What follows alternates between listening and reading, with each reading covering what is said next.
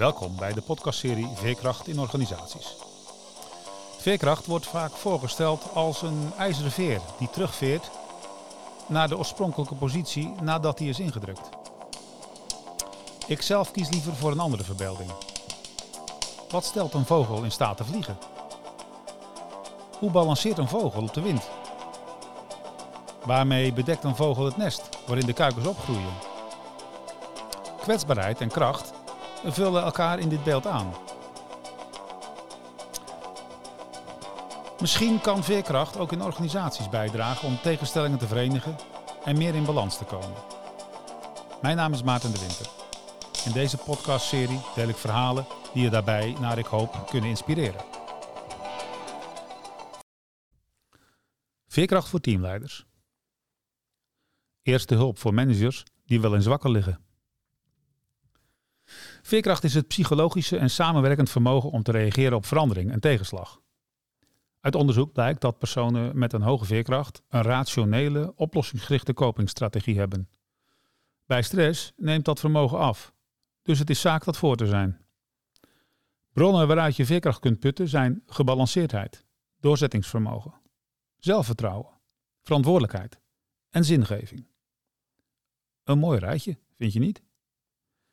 Kun je veerkracht ook ontwikkelen? Werkstress is beroepsziekte nummer 1. Als dat niet zo was, dan zou er een eenvoudige remedie zijn. Er is inmiddels veel bekend over het schadelijke effect van hoge cortisolniveaus op het cognitief vermogen. De gevolgen van stress zijn kortweg rampzalig en zeer kostbaar. Dus dat wil je voorkomen. Regelruimte, sociale steun en zingeving zijn de belangrijkste draaiknoppen daarvoor. Dat weten managers. Maar de economische realiteit stelt wel grenzen aan wat er kan worden geregeld. Van begrip wordt het takenpakket niet kleiner. En ook bevlogen medewerkers kunnen opbranden. Hun taken komen dan op de schouders van de achterblijvers. Managers liggen wakker wanneer doelstellingen niet worden gehaald. Leiders liggen er wakker van wanneer doelstellingen tegenstrijdig zijn. Een manager zou de werkdruk kunnen opofferen aan doelstellingen. Dat maakt iemand in een cynische cultuur wellicht een goede manager, maar zeker geen goede leider. Een leider zoekt de uitweg uit het dilemma op een hoger niveau van complexiteit.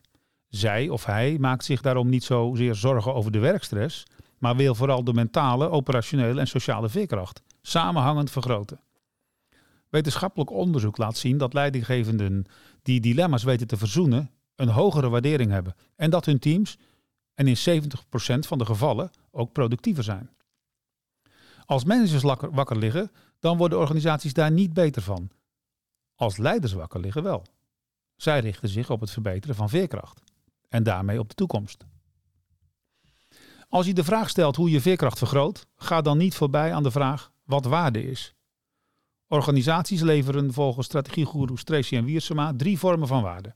Inhoudelijke waarde, proceswaarde en belevingswaarde. Ga over die drie invalshoeken in gesprek en zoek kwaliteiten en ontwikkelingsmogelijkheden daar.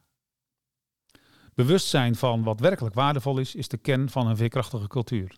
Hoe voer je dit gesprek? In veerkrachtige organisaties voeren medewerkers het gesprek allereerst regelmatig met zichzelf.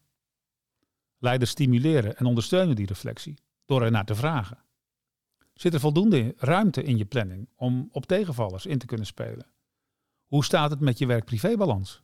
Tegen welke dilemma's loop je aan? Welke oplossingen heb je zelf al ingezet?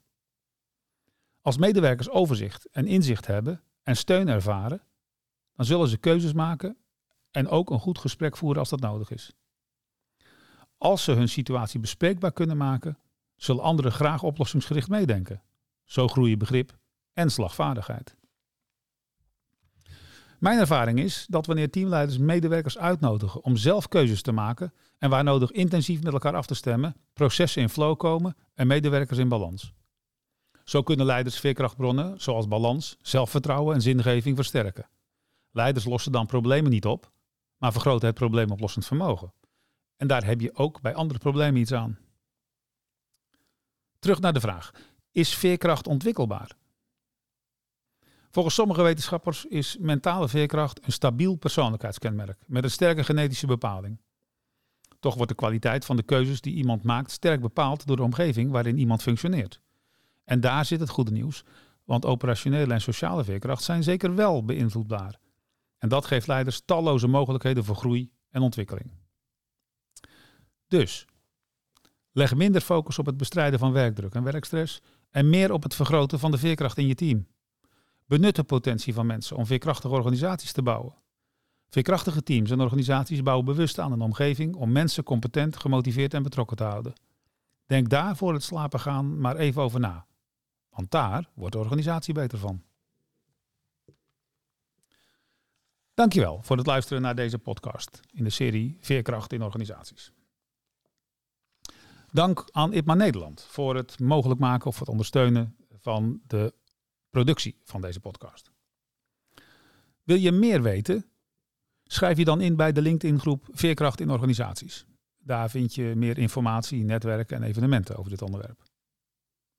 Of kijk eens op veerkrachtcollege.nl voor mogelijkheden om jezelf in dit thema te professionaliseren.